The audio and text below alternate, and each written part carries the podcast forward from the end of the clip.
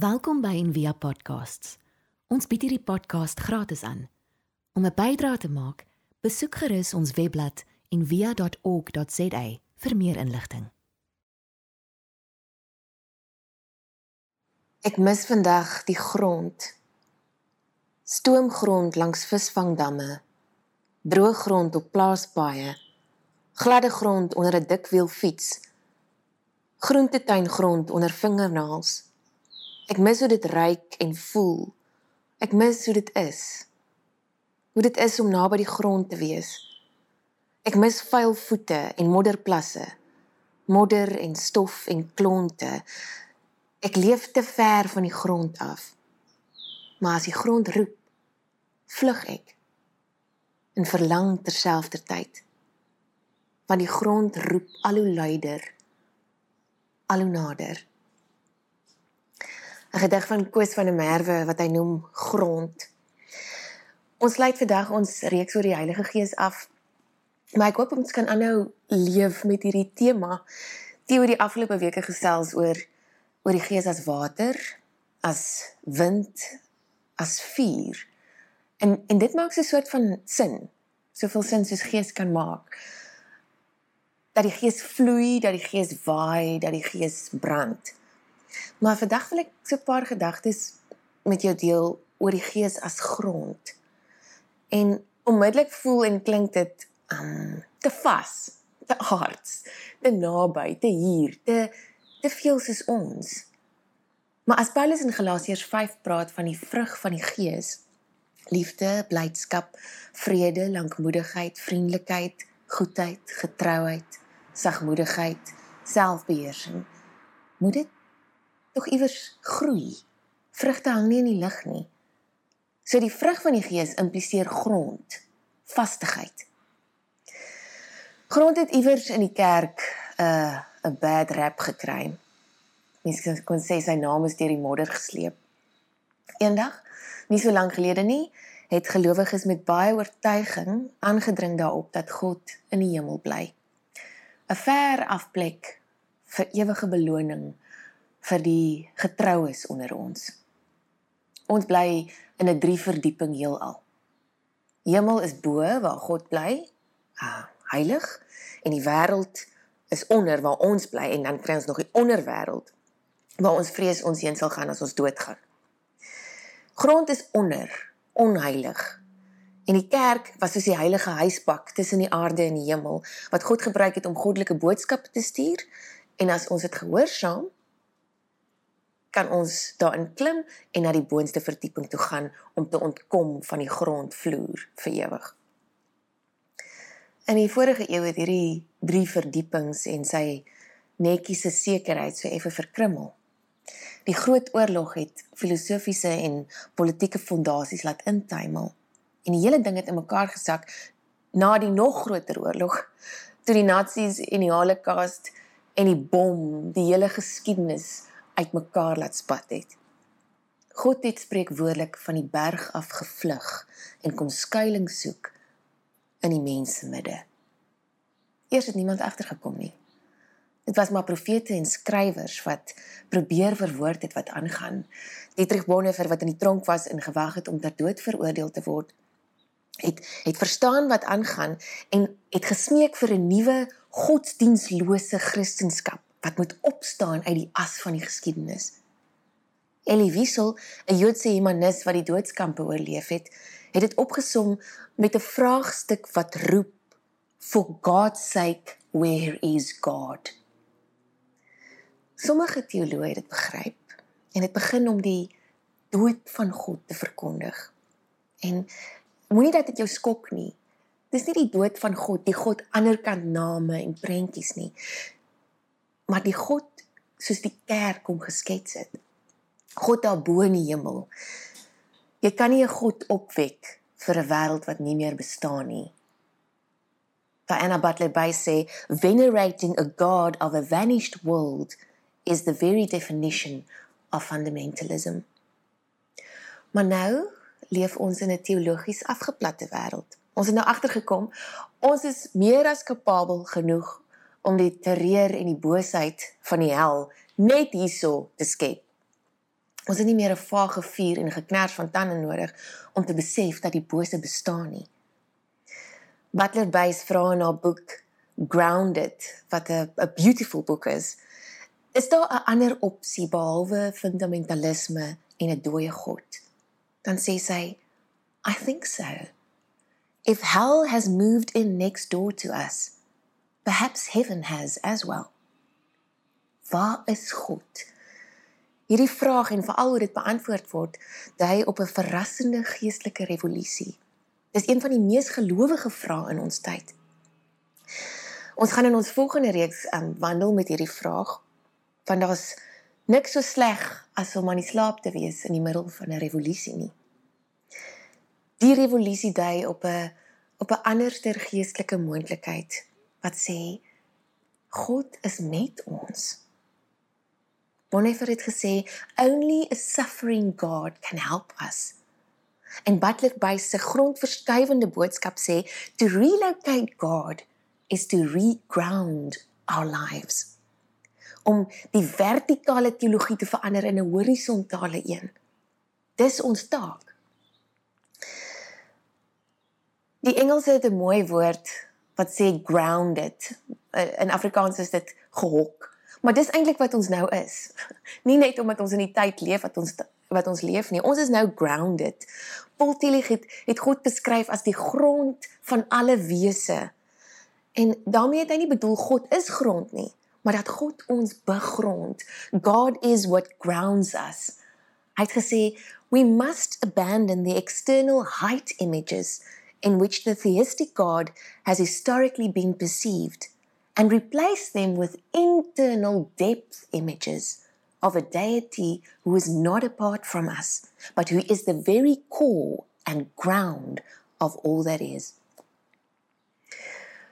Alhoewel sommige mense nog steeds aandring daarop dat Genesis 1 'n letterlike wetenskaplike verslag is, word dit daarom nou al meer dikwels verstaan as soos wat Walter Bruggeman dit noem, 'n liturgiese gedig.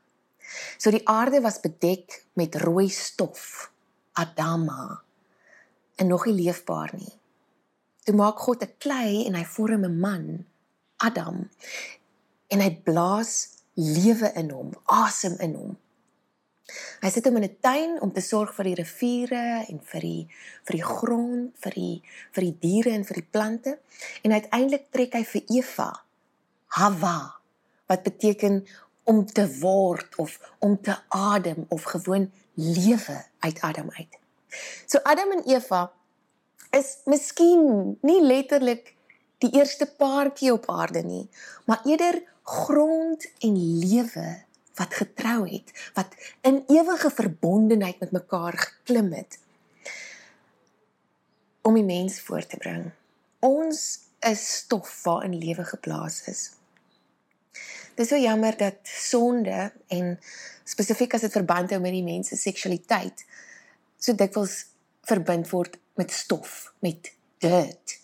Asof ons vergeet het van Psalm 103 wat sê God handel nie met ons na ons sondes en vergeld ons nie na ons ongeregtigheid nie. Soos 'n vader om ontferm oor sy kinders of soos 'n vader om moed ontferm oor sy kinders, so ontferm die Here hom oor ons, want hy hy weet watter maaksel ons is, gedagtig dat ons stof is. God weet dat ons stof is en hy verdra ons nie net nie. Hy het ons lief. Hy het grond lief, hy het stof lief.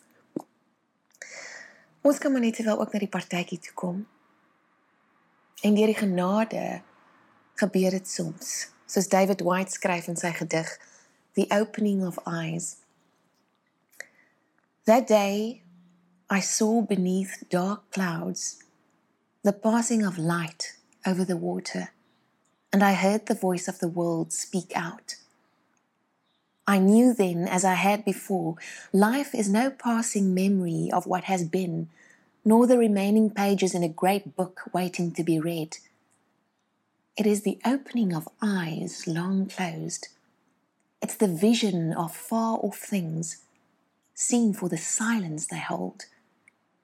It is the heart, after years of secret conversing, speaking out loud in the clear air. It is Moses in the desert fallen to his knees before the lit bush. It is the man throwing away his shoes as if to enter heaven and finding himself astonished, opened at last, fallen in love with solid ground. God word in Genesis in 'n tuin as die groot tuinier uitgebeeld. Sy seun vertel die heeltyd gelykenisse van sade, van landskappe en koringkorrels. Soos hierdie meer moderne weergawe wat ek net vertaal het. Die storieetjie se naam is Akkerologie. Eendag, nie so lank gelede nie, was daar 'n koninkryk van akkers aan die voet van 'n groot ou eikeboom. Hulle was ten volle verwesterde akkers, heel modern en besig met doelgerigte energie. Betrokke by 'n hele spul selfhelpkursusse. Daar seminare aangebied. Hoe om alles en meer uit jou dop te kry. Eating all you can out of your shell. Daar was verwondings en rehabilitasiegroepe vir die akkers wat gekneus is in hulle oorspronklike val vanuit die boom. Daar was spaas om die akker se doppe te olie en blink te vryf en verskeie akkeropatiese terapieë om lewenskwaliteit, welstand en dop elastisiteit te bevorder. Op 'n dag in die middel van die koninkryk verskyn 'n koddige klein vreemdeling blykbaar uit die blou te laat val deur 'n verbygaande voël. Hy het nie 'n dopkappie op nie en hy's vuil. Hy maak 'n negatiewe eerste indruk op sy mede-akkers. En so, gebuk onder die eikeboom, blaker hy toe aan die ander akkers 'n wilde storie uit. Terwyl hy wys na die boom, sê hy: "Ons is dit." Vansinnigheid uiteraard, sê die akkers. Maar een van hulle gaan tog voort in gesprek met hom. So sê vir ons, hoe kan ons daai boom wees? Of hoe kan ons dit word? Wel, sê hy terwyl hy wys na die grond. Dit het iets te maak daarmee om in die grond in te gaan en die dop te laat oopbars. Malligheid, antwoord hulle. Totaal morbied. Hoekom sou ons dit wou doen? Dan sal ons mos nie meer akkers wees nie. 'n Storieetjie om te beskryf wat in Johannes 12 vers 24 staan. As 'n koringkorrel nie in die grond val en sterf nie bly dit net een maar as hy sterwe bring hy 'n groot oes in. Christus het mens kom word in die grond inkom val soos 'n soos 'n tweede Adam uit stof en tot stof. Hy het nie net die gees gegee nie hy het sy gees vir ons kom gee vir ons 'n blou druk kom wys in die vlees met sy voete op die aarde Hy het vir ons kom wys hoe mens doodgaan voor jy doodgaan. In baie opsigte die die groter, seerder doodgaan. Was sonder lewe in oorvloed nie moontlik sou wees nie. Nie moontlik is nie. Daar's geen vrug sonder val nie.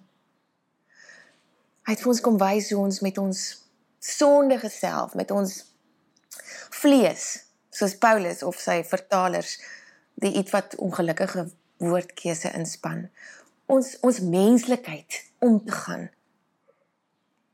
Hierdie gedig van Sheila Cousins agtervolg my al my hele lewe lank en seker jy's omdat dit een van die grootste waarhede van die lewe vir my bevestig, naamlik dat ons nie te bowe kan kom dit wat ons nie ook insluit nie. We cannot transcend that which we don't include. Vir ons lyk like dit dalk soos vuil, ons sonde, so stinkgoed daar's baie ander lelike woorde daarvoor. Vir God lyk dit soos wonderlike kompos wat hy gebruik om ons al hoe meer mens, al hoe meer grondig te maak. My vuil, my stank wil ek uit my hê. Jaag dit nie weg nie. Weg kom terug. Neem dit in u op grond van my wese verwerk dit, versoet dit tot kraakvars lewe. Aarde waarin alles wat boos is vergaan, verpulver my fyn, verander my grondig tot stof waaruit ek opnuut kan kiem, kan verrys met my beste in my behou. Uiteindelik myself, myself in U. So om saam te vat voor ons afsluit.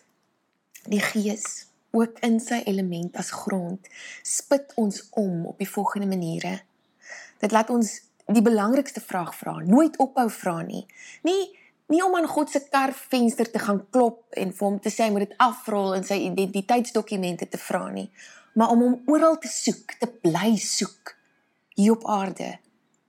Dis wanneer ons ophou vra, waar is God? Dat ons ophou glo. Dis nie 'n teken van twyfel om te vra waar hy is nie, dis 'n teken van oorgawe en diep vertroue. Die kerk het te dikwels begrafnisse vir vrae gefasiliteer antwoorde soos grond op doodskiste laat val.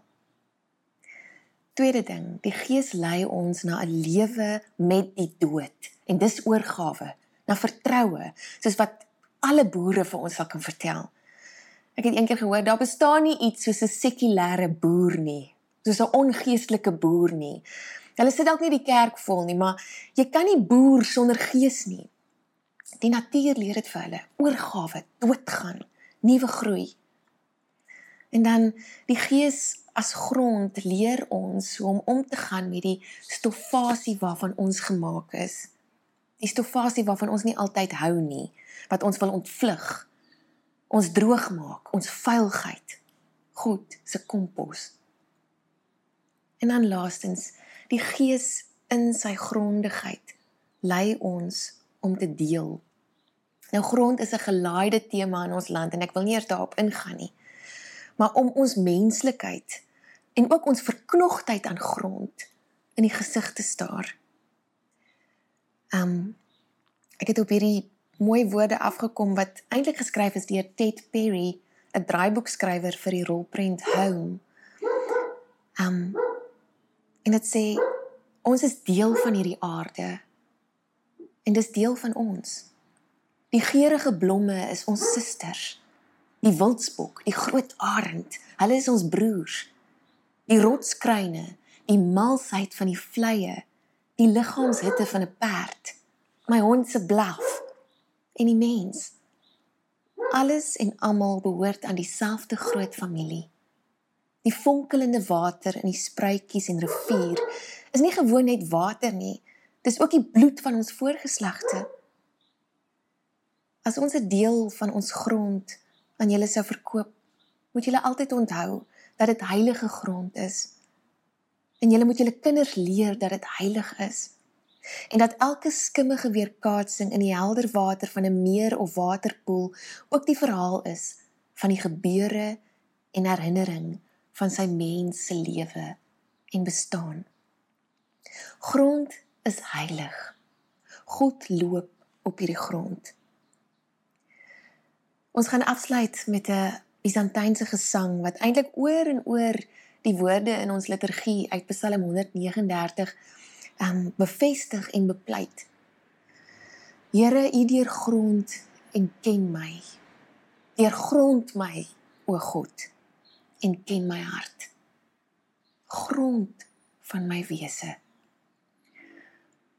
Maar God se gees na ons toe kom deur die grond ons grondigheid, ons menslikheid en ook wanneer ons ons vingers in die grond steek, wanneer ons ons voete op die aarde sit. Amen. Ons hoop van harte jy het hierdie podcast geniet of raadsaam gevind. Besoek gerus en via.ok.za vir meer inligting.